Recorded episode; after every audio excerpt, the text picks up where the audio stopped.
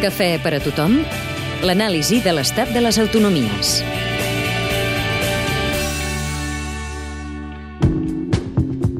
Castella-Lleó. Capital. Valladolid. Governa. Juan Vicente Herrera Campo, del PP. Població. 2 milions i mig d'habitants. PIB per habitant. 23.100 euros. Índex d'atur. 19,3%. Principal motor econòmic. Sector serveis. Endeutament. 9,4%. Dèficit. 2,59%. Pla d'ajustament. 859 milions en 3 anys, dels quals 366 per aquest 2012. ¿Qué te debo, por favor?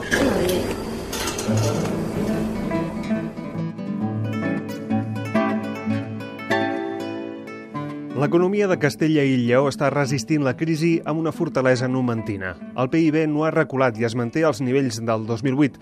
Les exportacions van créixer un 20% l'any passat i la taxa d'atur queda 5 punts per sota de la mitjana. Els comptes autonòmics són envejables.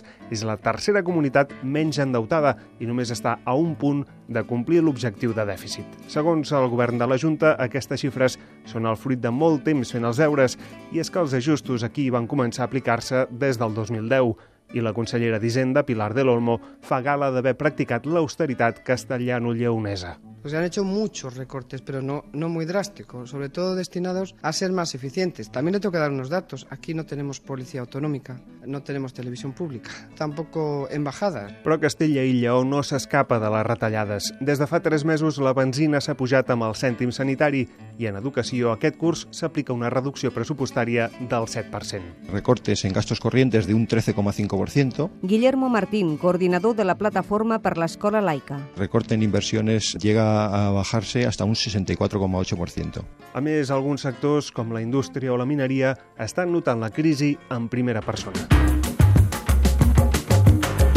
Però quan parlem del model autonòmic, s'acaba la bassa d'oli. Tant Pilar de l'Olmo com el president Herrera rebutgen sense embuts el discurs recentralitzador. Que nosotros no tenemos intención de devolver ninguna de las que tenemos. Hemos sido siempre cautos a la hora de asumir competencias. Yo creo que las estamos ejerciendo con toda responsabilidad y en beneficio de los ciudadanos que viven aquí y desde luego creo que lo hacemos mm, francamente mejor que si el modelo fuera centralizado. Però asseguren que no els surten els números i que l'últim model de finançament els ha perjudicat molt quan prima els criteris de població sense compensar les comunitats que, com aquesta, tenen una baixíssima densitat. No se nos hizo ni caso cuando se reformó y además con una cierta celeridad a partir de una reunión que tuvo el señor Mas con el señor Zapatero y hay que remitirse a aquella reunión en la Moncloa. Entonces, ¿qué ha pasado? Pues que Castilla y León hemos perdido peso.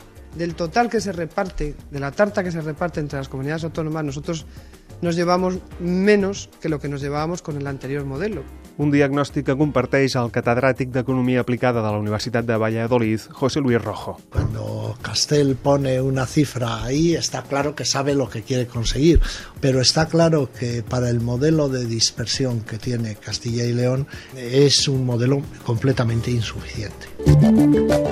Per això la comunitat reclama amb tanta insistència com Catalunya un nou model de finançament autonòmic, però des de postulats ben diferents. Per De l'Olmo, les balances fiscals parteixen d'un error de concepte. No aportan los territorios al Estado, sino que aporta cada ciudadano. Y cada ciudadano recibe unos servicios. I del concert econòmic no en volen ni sentir parlar. Que la Constitución no permite que exista un concierto para unas comunidades que no sean las dos forales del País Vasco y Navarra. Tot i així parlen de Catalunya com una comunitat estimada, pionera en molts àmbits i com un exemple a seguir.